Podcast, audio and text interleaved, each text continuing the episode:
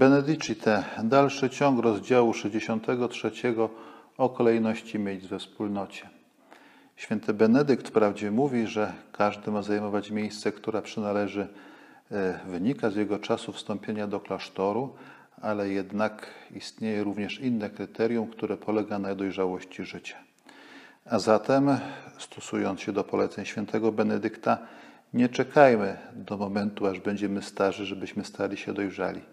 Ale już teraz, kiedy tylko zdaliśmy sobie z tego sprawę, że tak należy postąpić, już teraz zabiegajmy o dojrzałość właściwą, y, czy która powinna być właściwa sędziwemu wiekowi, po to, abyśmy mogli służyć naszym braciom, naszej wspólnocie i w sposób odpowiedzialny, abyśmy mogli zachowywać Boże przekazania, a przez to, żeby wzrastała miłość w miejscach, w których się znajdujemy.